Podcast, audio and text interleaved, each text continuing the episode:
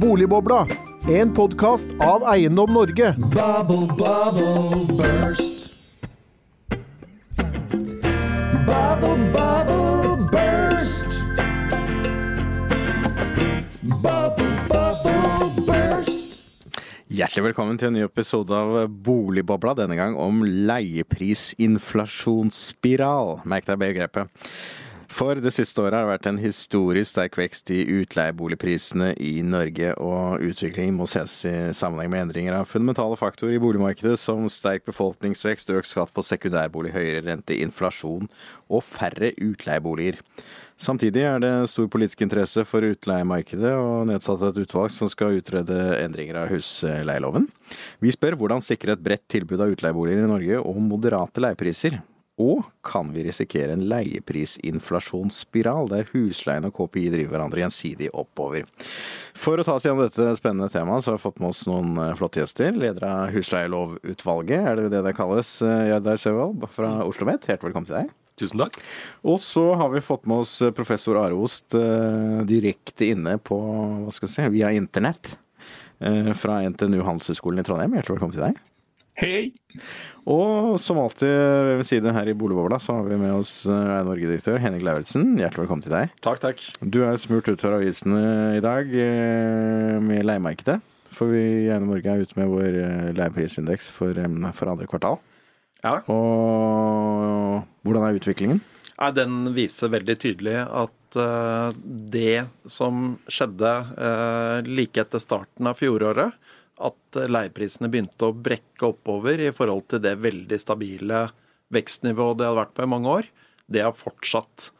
Og eh, ser vi på de siste fire kvartalene, siste året, så har leieprisene da i storbyene som vi måler, vokst med hele 9,3% Og så er det enda kraftigere i Stavanger og Sandnes, der de er helt oppe i over 13 Oslo eh, over 10 Litt roligere i Bergen og Trondheim med henholdsvis drøye 4 og drøye 5% men, men dette er jo sånn veldig klart brudd på det vi har sett historisk i ti år tilbake i tid i indeksen. Men, men altså, leieprisene begynte jo å stige da ut av, ut av pandemien, eh, altså i fjor, egentlig fjor, andre kvartal i fjor, da gjenåpningen var.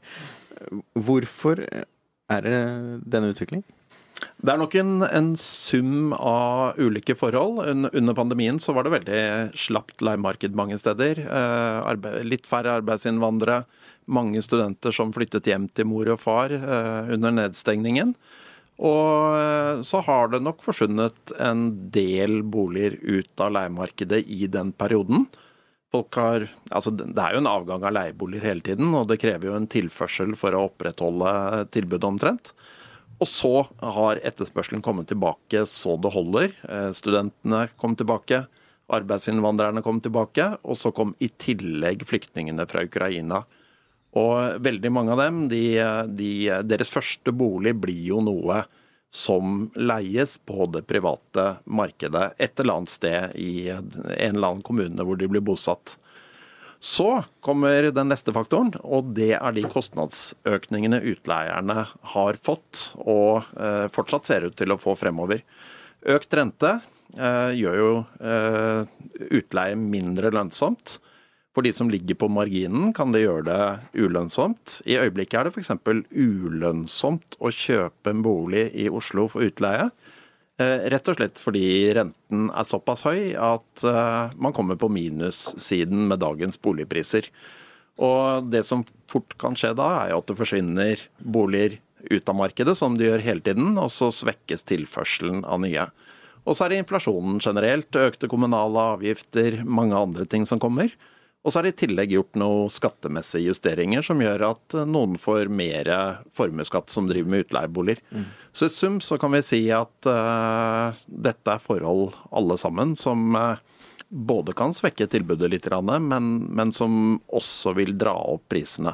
Enten direkte eller via da, et svekket tilbud. Jeg tenker Vi skal komme litt tilbake til, til, til flere av de tingene du er innom her litt senere. Men, men Gjerdar, du har jo blitt regjeringsoppnevnt i Kongen i statsråd ja. til å, å, utrede leiemarkedet. Uh, gitt den utviklingen som nå er i leiemarkedet, så gjør vel dette jobben din verre? Nei, Eller hva? det, er- det er klart at det er, det er liksom alltid en kontekst, og det må vi ta høyde for. Stortinget skal jo uh, etter hvert behandle forslagene og ta stilling til det. Så er klart, det må, man må alltid ta hensyn til det. Den viktige jobben vi skal gjøre, er jo å ta hensyn til hvordan kan man styrke leieboernes rettigheter, samtidig som vi også må ta hensyn til hvordan ulike forslag eh, vil ha betydning for markedet, hvordan det vil påvirke utleier. Og selvfølgelig også det skal være trygt å leie ut bolig i Norge, og loven er der for, selvfølgelig for begge parter. Og det står i mandatet òg. Selv om det er mye fokus på botryggheten til eh, leietakere, så står det også at eh, man skal legge til rette da, for en best mulig lov for utleier, og også vurdere konsekvensene for utleie. For hvis man ikke får leid ut boliger, så blir det trist, blir det et trist leiemarked. Så det, vi må ha to tanker i hodet samtidig, og selvfølgelig være opptatt av hvordan dette slår ut på, på tilbudssida. Uh, og nå er vi en, uh, vi er en spesiell situasjon, da, som Henning uh, nevnte her. Det er verdt en, altså Den utviklinga vi ser på leiemarkedet, det må egentlig alle alle som jobber med dette, må ta hensyn til dette. Um, og her tror jeg ikke husleieloven kan løse alt. Så det blir en større, Og det skal vi heller ikke forsøke Nei, å gjøre. men- men Men skal, Ja. men, så der tror jeg det er, det er flere tiltak. Og jeg mener situasjonen, da, Mm. sånn generelt, da, at det er et hvert fall at man kan løse noe av dette, at man må ha en mer helhetlig politikk for leiemarkedet. Og det mener jeg noe av de problemene vi har. Noe av det er jo selvfølgelig helt utenfor politikernes kontroll. Men eh, man kunne prøvd å ha en mer sånn boligforlik der man har sett på ja, hvordan skal man styrke da, tilbudssiden eh, på, på leiemarkedet. Og, og det er kanskje en styrke på noen måter at vi har veldig mange, altså ganske mange små utleiere. Um, samtidig så er det noe med stabiliteten i tilbudet da, som er litt sånn sårbart for ytre faktorer. Så hvis man på en eller annen måte da, kunne lagt til rette for et mer stabil tilbudsside, så tror jeg det hadde vært for det beste for, eh, for alle. da. Ja, nå, har, jo nå har- har ikke du skylden for uh, hvordan mandatet ser ut, men det, det er kanskje en side ved mandatet jeg savner litt. Grann. Altså en, en, en tydeliggjøring at hva kan man egentlig gjøre for å få, få et bedre og bredere tilbud i leiemarkedet? Uh, ja, altså Hvis man leser mandatet veldig nøye, så ser man jo at ja, de, de tingene som er, de er, eh, de er med der. Um, og, men igjen, liksom husleieloven det er, det er en viktig, selvfølgelig utrolig viktig ramme for leiemarkedet. Men, det, men det, det kan heller ikke være løsningen på alt. Eh, så det tror jeg liksom er sånn man skal, eh, skal lese. Da. For det, det vi skal gjøre, er å på en måte Vi skal gå gjennom loven. Uh, og vi skal, vi skal ikke lage Selv om vi må ha det i bakteppet, vi skal ikke lage leiemarkedspolitikken. Dette er en viktig side av det. Men det er mange andre. ikke sant? Det er skattesida. Det er Husbanken kanskje kan spille en rolle. Det er mange aktører her. det, det blir, regjeringen skal legge fram en boligmelding òg. Og der, der vil jo det brede enda bredere perspektivet. Eh, mens vi skal jo annet også jobbe med å språklig modernisere loven. Mange viktige sånne lovtekniske ting som også er viktige. Nå er det jo 20 år siden, eller over 20 år siden uh, den nye loven kom. Så, så vi skal jo jobbe med, vi skal jobbe med loven, selv om vi aldri skal glemme. Vi må ta høyde for konteksten. Hvis ikke så, så blir det et veldig merkelig dokument. Men, eh, men vi skal, jobbe, jo- skal jo jobbe med loven. Derfor så er jeg veldig glad for at jeg har mange jurister med meg i utvalget. da. Men, men dette er jo en bra overgang av tilbudet til, ja. til, til deg, Are. fordi at uh, I sommer så har det jo vært en eh, debatt uh, fordi det har jo ikke bare vært vi som har gitt ut statistikker, det er jo andre også som, eh, som viser mye av det samme bildet. Og, og SV kom jo også med forslag i, i sommer om husleieregulering. Og det var ikke du så veldig begeistret for, for å si det forsiktig, eh, Aref. Og for du er jo nettopp opptatt av det tilbudssiden og at utbydet av utleieboliger ikke krympes. Ja, nei, det. det, det er noe veldig spesielt egentlig å tenke på husleieregulering, um, eller husleiekontroll, uh, i Norge. Fordi det norske leiemarkedet er ikke um, bygd for det. Uh, fordi vi har de her veldig mange små utleierne. Uh, en husleiekontroll består av to elementer. Det ene er jo selve priskontrollen. Um, altså at du setter et en regel da, for hvordan husleiene kan endre seg, og en kontroll av det. Det andre delen er at du må ha et konverteringsforbud. Og gitt Hva, du har... hva vil det si, da? Konverteringsforbud? Det høres ut som noe sånn religiøst. Nei, altså, eh, du må ha en regel som sier at du ikke får lov til å ta boligen ut av leiemarkedet. Uh, Mm. Og hvis du ikke har det, så vil jo man gjøre det så lenge det er lønnsomt. Og hvis eh, boligprisen ikke er regulert, mens leieprisen er regulert, eh, så vil det jo veldig fort bli lønnsomt å selge den som en bolig. Eh, Og det er veldig vanskelig å hindre privatpersoner å ha konverteringsforbud, altså ikke konvertere boligen sin, fordi de kan ta i bruk den sjøl, de kan gi den til ungene sine. og Politisk er det vanskelig å altså, det er småbarnsfamilier som eier veldig mange av de utleieboligene her. så Det er vanskelig å si at nei, du får ikke lov til å selge den. Eh, Og vi, har- vi, vi har vel så sånne små enormt- hindringer som Grunnloven og andre ting også, som kan være litt vanskelig her. Ja, ja, men det, det vil være et, et helt enormt inngripen sant, ja, i, i, vanlige familier sin økonomi, eh, gitt den strukturen vi har på utleie i Norge. Så det, det er egentlig helt utenkelig. Altså, det, det, betyr, at, det er, det er vel mulig å gjennomføre noe sånt som det Ja. eh, SV foreslår i praksis? Ja. Ja, så det er egentlig bare, ja, kan ikke bare parkere den diskusjonen. fordi at eh, eh, Vi kan jo bygge opp en tredje boligsektor. Da, ok, Vi kan bruke 20-30-40-50 år da, eh, på det. Eh, ok, Det er en, en diskusjon. så eh, eh, er det en helt uaktuell diskusjon å ha en kontroll av det leiemarkedet vi har nå. Eh, ok, vi, så det vi diskuterer husleieloven her, det er jo kontrollmekanismer i forhold til hvordan man kan regulere husleia. og Det kan vi jo diskutere. og Det, det handler jo om at eh, utleier eh, har en ekstra makt da, eh, på det tidspunktet leietakeren har flytta inn i boligen. Mm. Og det må vi, altså All litteratur sier at det må vi regulere på et vis. Men det var vel, jeg, jeg, jeg leste om leiemarkedet i Berlin, hvor man innførte et husleietak på rundt halvparten av boligmassen for noen få år siden. og Der var vel en av erfaringene nettopp det du sier, at man fikk disse konverteringene i den prisregulerte delen, som i sum da faktisk gjorde at den uregulerte delen fikk mye høyere husleier. Ja, og så er det jo veldig vanskelig faktisk å regulere òg.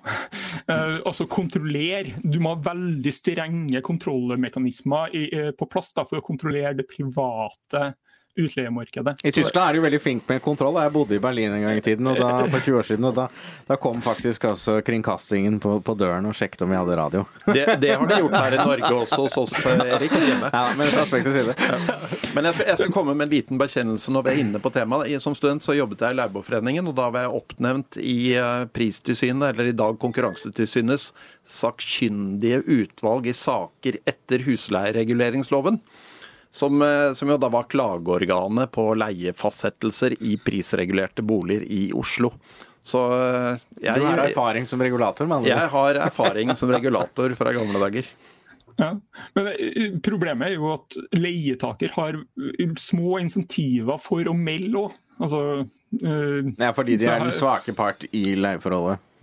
Nei, eh, jeg har en, en, kjenning som bor i Sverige. eh, og Der er det jo leiepriskontroll. eh, Men du har også et, ikke, altså et eh, leiemarked eh, som er kontrollert, men som ikke er de her store institusjonelle utleierne. da. Og Han var jo ikke svensk, så han kom jo eh, til Sverige med familien sin i voksen alder og trenger jo bolig fort. eh, og Da er det vanskelig å kjøpe. Så Da må du inn i leiemarkedet. Og den byen han flytta til, så var det jo ti år kø Vent, vent For å-. Mm. for å få eh, leiepriskontrollert bolig. Så det, det er uaktuelt. sant? Du, du har fått deg jobb, du må ha bolig nå for å gjøre av familien din en plass. Så han leide jo på det private markedet, en, og han betalte jo ikke den kontrollerte prisen, han betalte jo over det.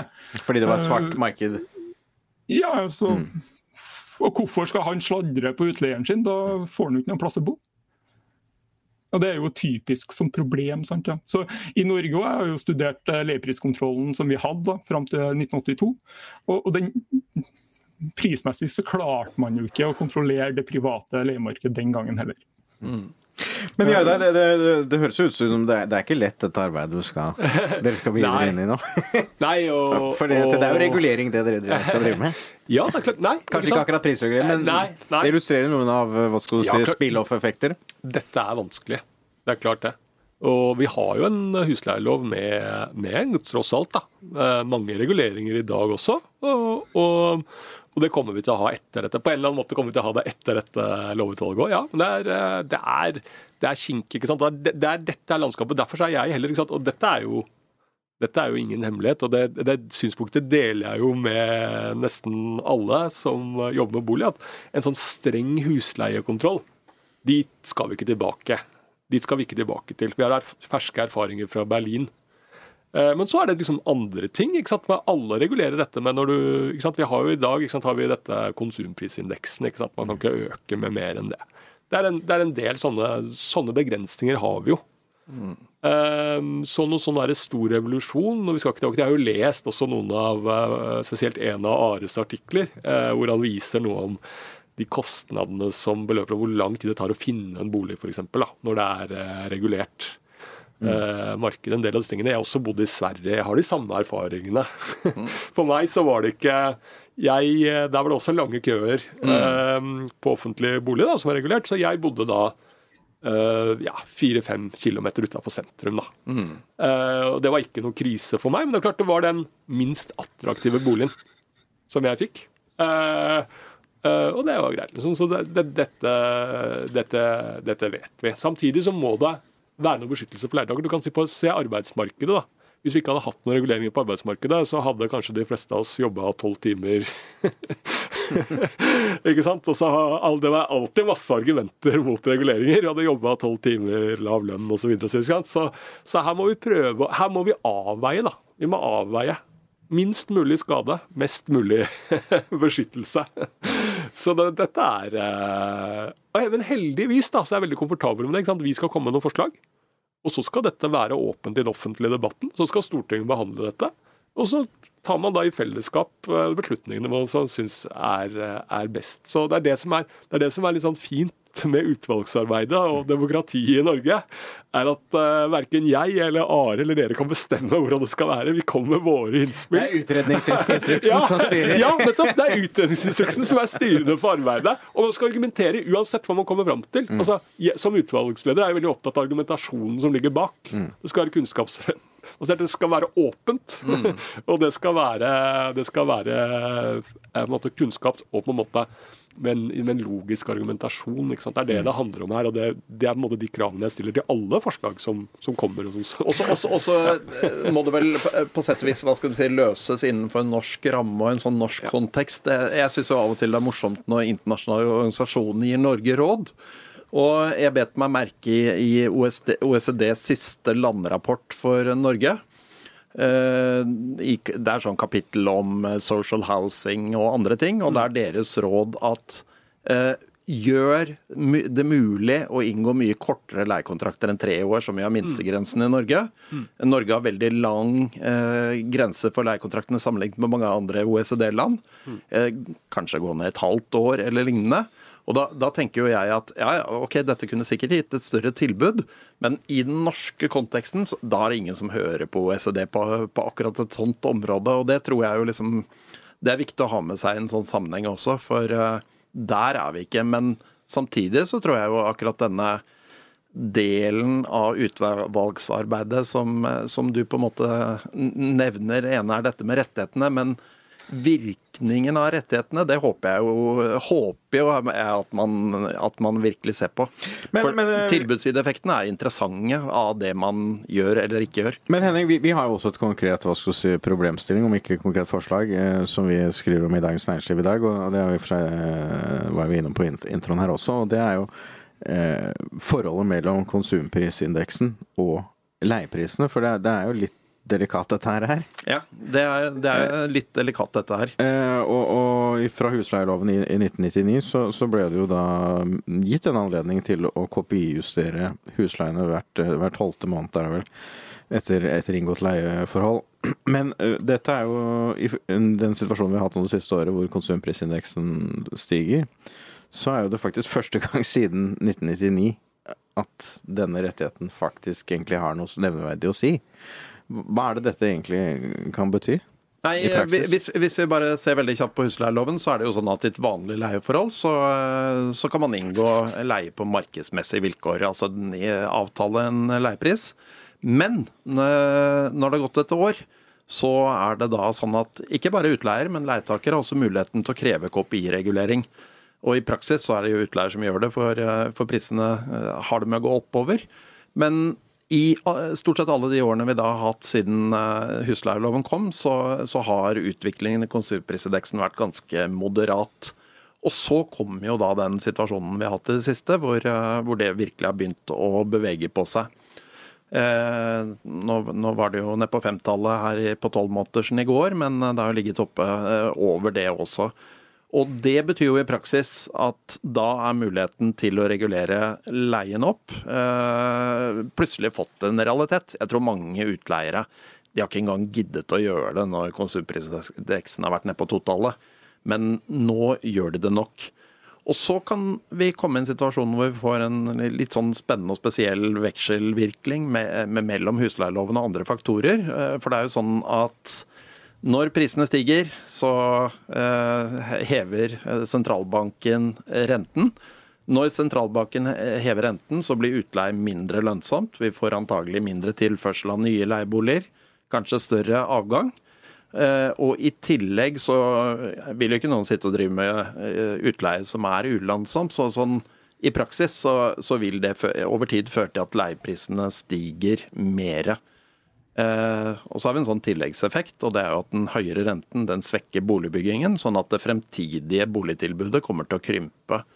Eh, om ikke krympe, det blir relativt sett eh, mindre da i forhold til befolkningsveksten.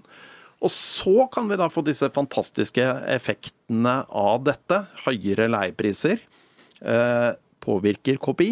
Fordi i KPI, hvis man tar det veldig kort, så er, eh, så er ca. en femtedel av KPI. Det utgjør eh, Det er altså leiepriser og leieprisøkning etter SSBs både spørreundersøkelse og beregning. Så hvis Norge, Norges Bank hever renten, det svekker både tilbudet og øker prisene, så slår det inn igjen i KPI og bidrar til å gjøre det vanskeligere for Norges Bank å slå, nå inflasjonsmålet. Så kan det føre til en ny renteøkning fra Norges Bank, hvis man skal se på en sånn slags spiraleffekt av det. Og det er noe vi frykter at vi kan, kan se litt spor av fremover. Are, det, det er delikate sammenhenger dette her. Er det noen andre økonomer som har foreslått begrepet leieprisinflasjonsspiral? Nei, det, det, det tror ikke jeg det er noen som har gjort. Men eh, eh, den grunnleggende sammenhengen er jo at det er en prissammenheng mellom leieprisen og boligprisen, uh, som er avhengig av renta. Nettopp. Eh, og når renta går opp, eh, så har vi sett historisk da, at en veldig kjapp eh, effekt, utslag i, i leieprisene. Så i forkant av leieprisøkningene økningene som vi har hatt eh, egentlig det siste året, så var jo jeg ute og spådd at akkurat dette kom til å skje. Mm, og, det så, og nå har det skjedd? Ja. Ja, og det, det, det har ikke vært noe hemmelighet, så har vi jo sagt til myndighetene i, i ti år jeg, at det her kom til å skje. Og at akkurat det problemet som vi diskuterer i forhold til høyere leiepriser, at det, det kom den dagen eh, rentene gikk opp igjen. Eh, og vi er ikke ferdig. Uh, Antagelig har dette en lang hale fremover. Ja. ja, eh, og, og du kan jo kalle det spiral eller hva det er, men det er en nødvendighet, rett og slett. da. For at uh, så, boligprisene er så høye de er, så de er, da må leieprisene komme etter hvis vi skal ha normal rente. Eh, eller mer normal rente, da. Mm.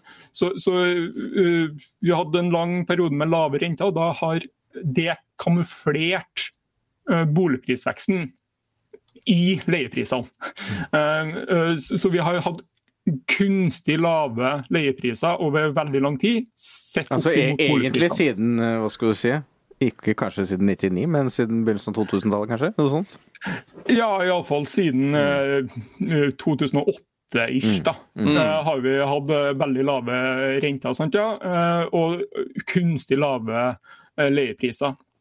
Eh, og, og nå får vi høye leiepriser bare fordi at det har vært for lav boligbygging i Norge, og særlig da i Oslo. Så jeg prøvde jo å liksom se litt på hvor mye for lav boligbygging vi har hatt i Oslo de, den siste bare eh, to periodene. Nå er jeg spent. Vi sier 30 000-40 000 siste 20 år. Ja, siste 20 år eh, har da Jeg har mye høyere tall enn dere. eh, Og jeg tror tallene mine er rett, da. Eh, Men 15 000 siste to periodene. Altså med dagens by byrådsregjering, eller hva dere kaller det i Oslo. Så har vi bygd 15 000 Ja, altså siste åtte årene, for- da. Mm. 15 000 for få boliger. Mm. Uh, Ut ifra det som måte da, for å holde boligprisene ned. Men, men det, det er jo delikat da, at, at altså Norges Bank, og ved å regulere rentenivået, så skaper de altså vekst i konsumprisene. Som er jo da det motsatte av målet. Det er, Ja, altså det, den, det er jo eh, et stort paradoks. Eh, dem- de- de- Den eh, overrapporteres egentlig, eller den underrapporteres, da. Eh, Konsumprisveksten underrapporteres når renta går ned, og så overrapporteres den i perioder når renta går opp. Mm. Det ligger implisitt i hvordan sammenhengen mellom bolig- og leieprisene og renta fungerer. Og så er det jo da hvordan håndterer eh, Norges Bank det her? eh, Altså, da, du må jo få, nærmest få en sånn KPI justert for leiepriser nå, ikke bare kjerneinflasjon. Ja, nei, det er jo- eh, det jo, eh, eh, det- og, det har jo blitt eh, foreslått mange ganger. Altså sånn HKPI.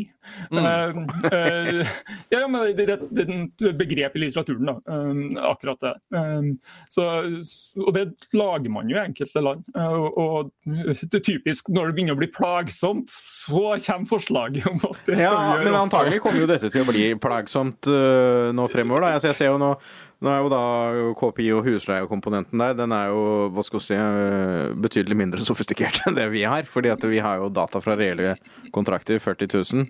Det er med måten øh, SSB lager dette her, er jo en spørreundersøkelse fra 2500 eh, 100 enheter rundt omkring i Norge som spør, spørres om leie, og så er det jo da en eh, eie leieekvivalentprinsipp eller noe sånt som det heter, som da er den eiebolken. Så, så altså, mest sannsynlig vil jo de, den spørreundersøkelsen til SSB de vil jo vise det samme som vi, vi viser på, på nå og fremover. Og så vil jo det smitte over i måten de har dette inn i KPI. Eh, hva, hva bør liksom rent konkret da, hva bør liksom Norges Bank gjøre da? Bør de roe ned rentene nå, eller?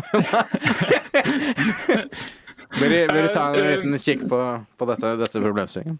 Ja, nei, eh, Bra eller dårlig kan jo diskutere, da. Men eh, eh, SSB sin leieprisindeks eh, den underrapporterer leieprisveksten. Ja. Det har den gjort eh, systematisk i Jeg studerte fra, tilbake til 1970. da, eh, og I hele den perioden så systematisk eh, underrapporterer en uh, leieprisveksten fordi at de overkorrigerer for uh, oppussing. Ja. Men, så, så, akkurat det, så akkurat det tilfellet som vi er i nå, sant, vil jo det føre til at eh, deres, eh, altså kopien vil ha en lavere pris, altså leieprisvekst enn eh, enn deres tall. Da. Selv om deres tall er jo de nominelle, som de er de rent observerbare. Sant, ja. Eh, men samtidig så bør jo da rentekomiteen da være klar over denne effekten, og det er de nok. Forhåpentligvis. At, at, den rent, eh, at uh, inflasjonen overrapporteres når renta går ned, og underrapporteres når den uh, går opp. Uh, nei, sa jeg rett nå, i hvert fall? Den overrapporteres når renta går opp. Mm. så, og det gjelder jo også andre typer priser enn bare leiemarkedet òg, for så vidt. Um, um, og det, det betyr jo bare OK.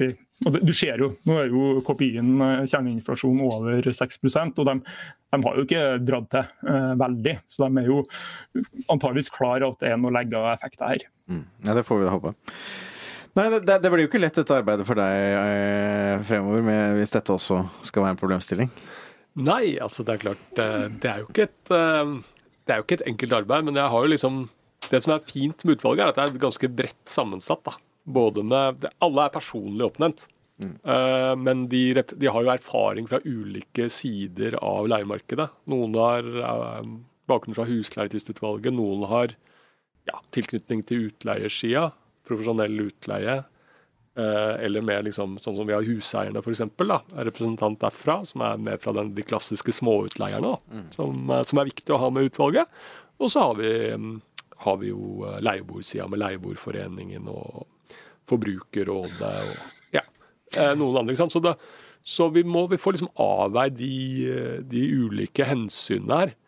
Og um, leiepris, da, leieprisvernet er jo en, en liten del av mandatet, tross alt. Eh, Men altså, du, du kan jo se, se for deg at det, ja, det har vært vondt i leiemarkedet. Det er jo det som er bakgrunnen for at dette også er blitt, blitt oppnevnt. Absolutt, Ikke sant? Og at dette er blitt et politisk spørsmål for regjeringen. Ja. Eh, og et politisk spørsmål i ordskiftet, mm. for å si det sånn. Eh, eh, Men altså, dette kan jo bare være starten, egentlig, på, på, på en eh, svært negativ utvikling sett fra leietakers ståsted.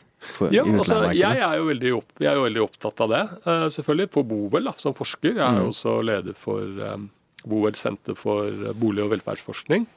Eh, og det er en sånn problemstilling som vi er veldig opptatt av nå, selvfølgelig. Nå har vi jo hatt en uh, leieprisøkning, inflasjon, men også sant, prisøkning for de som har minst. Det er prisøkningen på mat, f.eks., som har vært stor, den er viktig. ikke sant? Det, det gjør noe med deres evne til å forbruke andre ting som de trenger. Nødvendighetsvarer.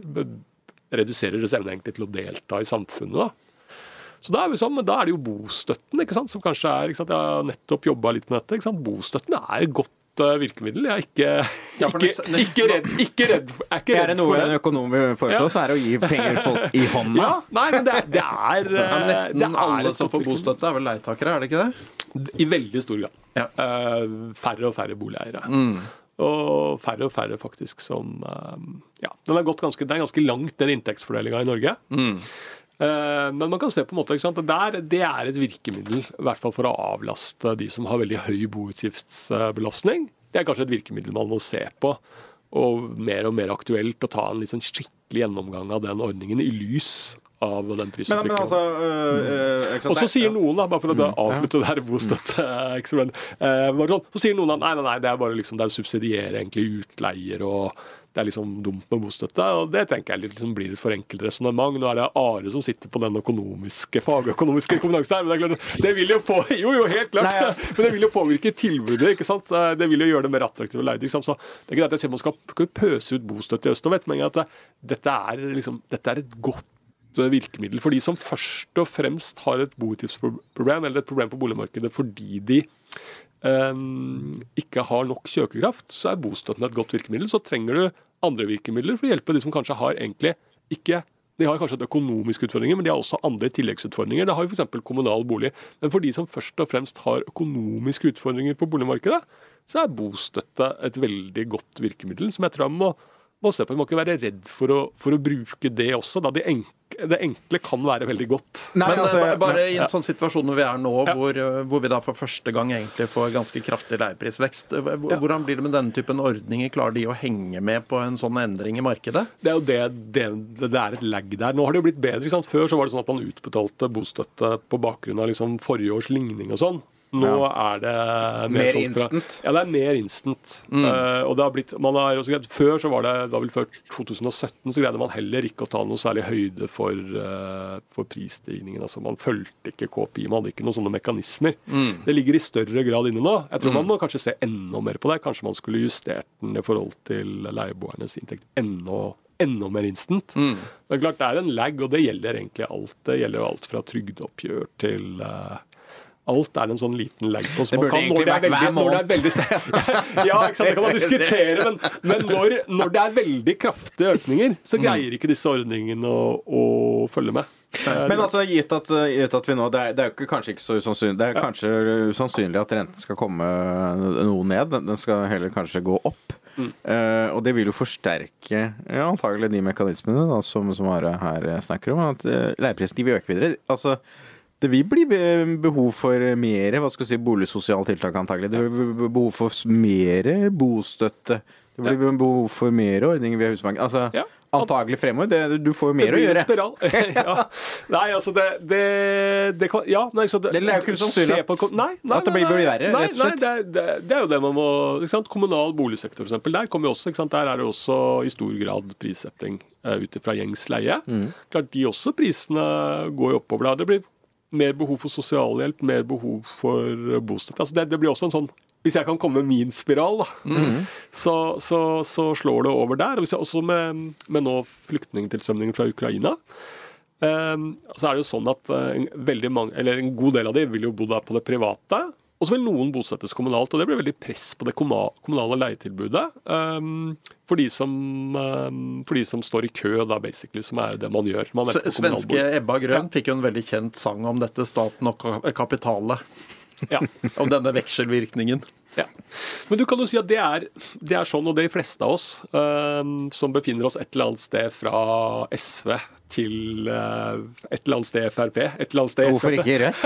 Nei, et, Ja, et eller annet sted Rødt, kanskje. Jeg vet ikke. Nei, jeg er et eller annet sted Rødt. Altså, jeg, skal ikke, jeg er ikke her for å stigmatisere. Vi Du vet, syns du vet hvilket er parti for- som har flest stortingsrepresentanter som er økonomer? Det er Rødt. Ja, jo, jo, jo. Nei, det var, det var ikke meningen. Altså. Jo, men de fleste av oss, og da mener jeg faktisk også Rødt, da, for å være litt alvorlig, vi mener jo det at det er det velferdsstaten gjør. da, sånn i stort. Vi kompenserer, altså, Man kompenserer for ustabilitet i markedet. Den skal tre liksom kompenserende inn.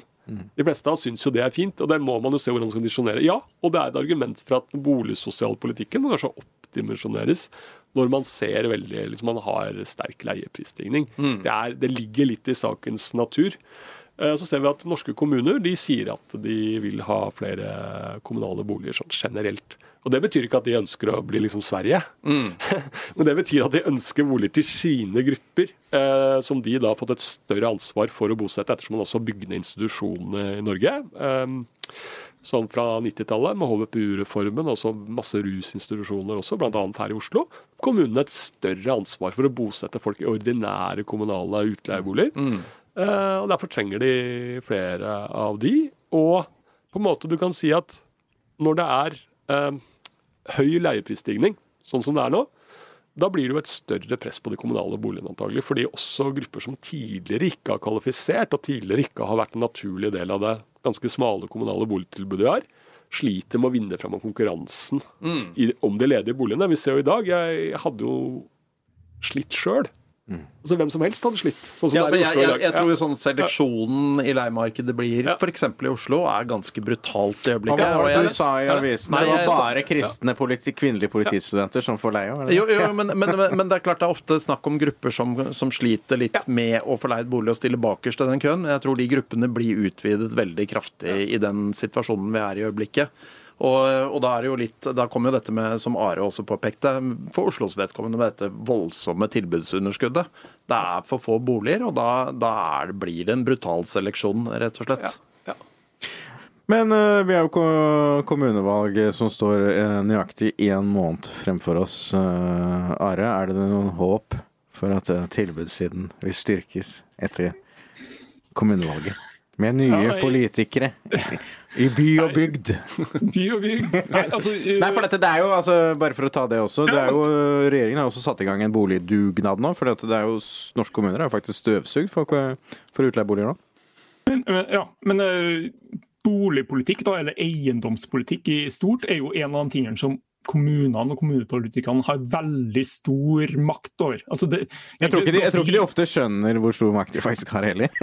Nei, nei, men jeg, jeg, altså, hvis vi skal være snille med politikerne, så er det ganske mye de, de ikke kan påvirke. Altså, Renta kan de ikke påvirke, og økonomisk vekst i veldig liten grad. Mm. og, og veldig Mye av de viktige økonomiske faktorene i livet vårt er det begrensa hva politikerne faktisk kan påvirke. Men på eiendomssida og på boligsida så kan de gjøre veldig, veldig mye. Uh, dessverre så gjør de veldig oftest veldig mye ugagn. Eh, uh, og så Nå har vi veldig behov da, for at de skal gjøre noe, noe bra. eh, fordi at det har blitt ja, siste åtte årene som sagt 15 000 for få boliger i Oslo. Det, hvis det, det fortsetter, sant, så blir det her verre og verre. Nå er vi på sju ganger medianinntekter for å få en medianbolig i Oslo. Ja, da Vi utga sykkelpleierindeksen tidlig i år, så, eller som eiendomsverdi lager, så, så, så var det jo liksom På en måte så var jo svaret at med mindre du tjener 750 000 kroner når du er enslig, så er det ikke noe særlig vits å dra til Oslo. Og, og det er klart, det er jo på mange måter en tragedie av dimensjoner. Ja. Og tallene har ikke vært så ille siden krigen. Nei. Altså, når vi snakker om bolignød etter krigen, og hva var vel livet uten deg som gikk på kino, som han- han- handla om at vi, skulle få til sjølbygging altså, eh, Ja, man klarte det. Man lyktes med å få til masse bygging. Eh, og selvfølgelig du har borettslagene, masse som skjedde samtidig. Man klarte å få til boligbygging, og det var en av de viktigste faktorene for å få til velferdsvekst etter krigen. Mm. Og vi, vi hadde egentlig fallende boligpriser relativt sett fram til 1976, etter krigen. Og etter det så har det gått i i feil retning. Men noen ville kanskje gikk feil retning på 70-tallet også, for da bygde man jo boliger uten at man tjente penger på det. Det ble jo dypt subsidiert. Ja, ja, men, men bolig er Mm. kjempeviktig. da. Eh, og Noe av det viktigste i livet vårt. eh, og, og det at bolig blir dyrt, det er fælt.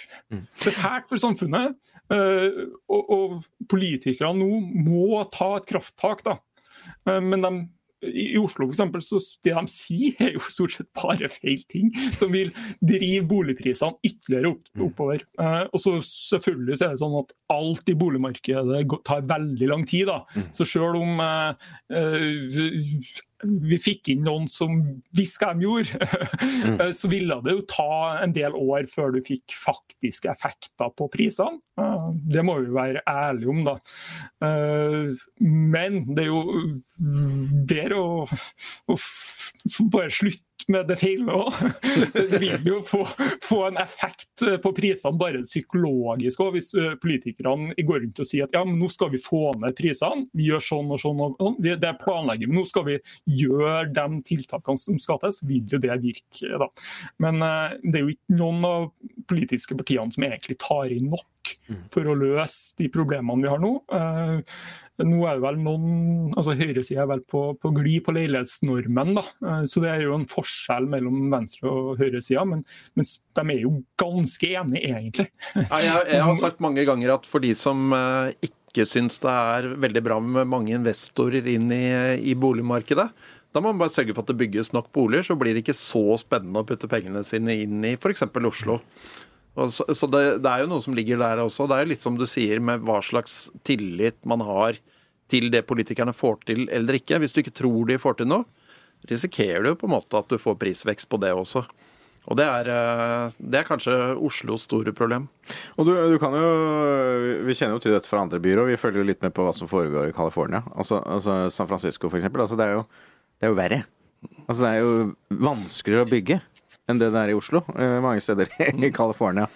Eh, og jeg så her faktisk Der er jo det blitt et stor uh, problemstilling også. Og, og de fjernet jo faktisk i California det de kalte single family home zoning, som i realiteten er det som har gjort at California er en eneste stor forstad. Fordi at du da bare kunne bygge eneboliger, i realiteten, ikke flermannsboliger. Så, så er det, det Det er jo andre byer i verden som har det verre enn det vi har her i hovedstaden. Og Norge, Ja, norske byer. Ja, nei, det, det er jo alltid sånn at Vi kan klare å gjøre det verre enn det vi gjør, men det betyr jo ikke at vi ikke skal prøve å gjøre det bedre.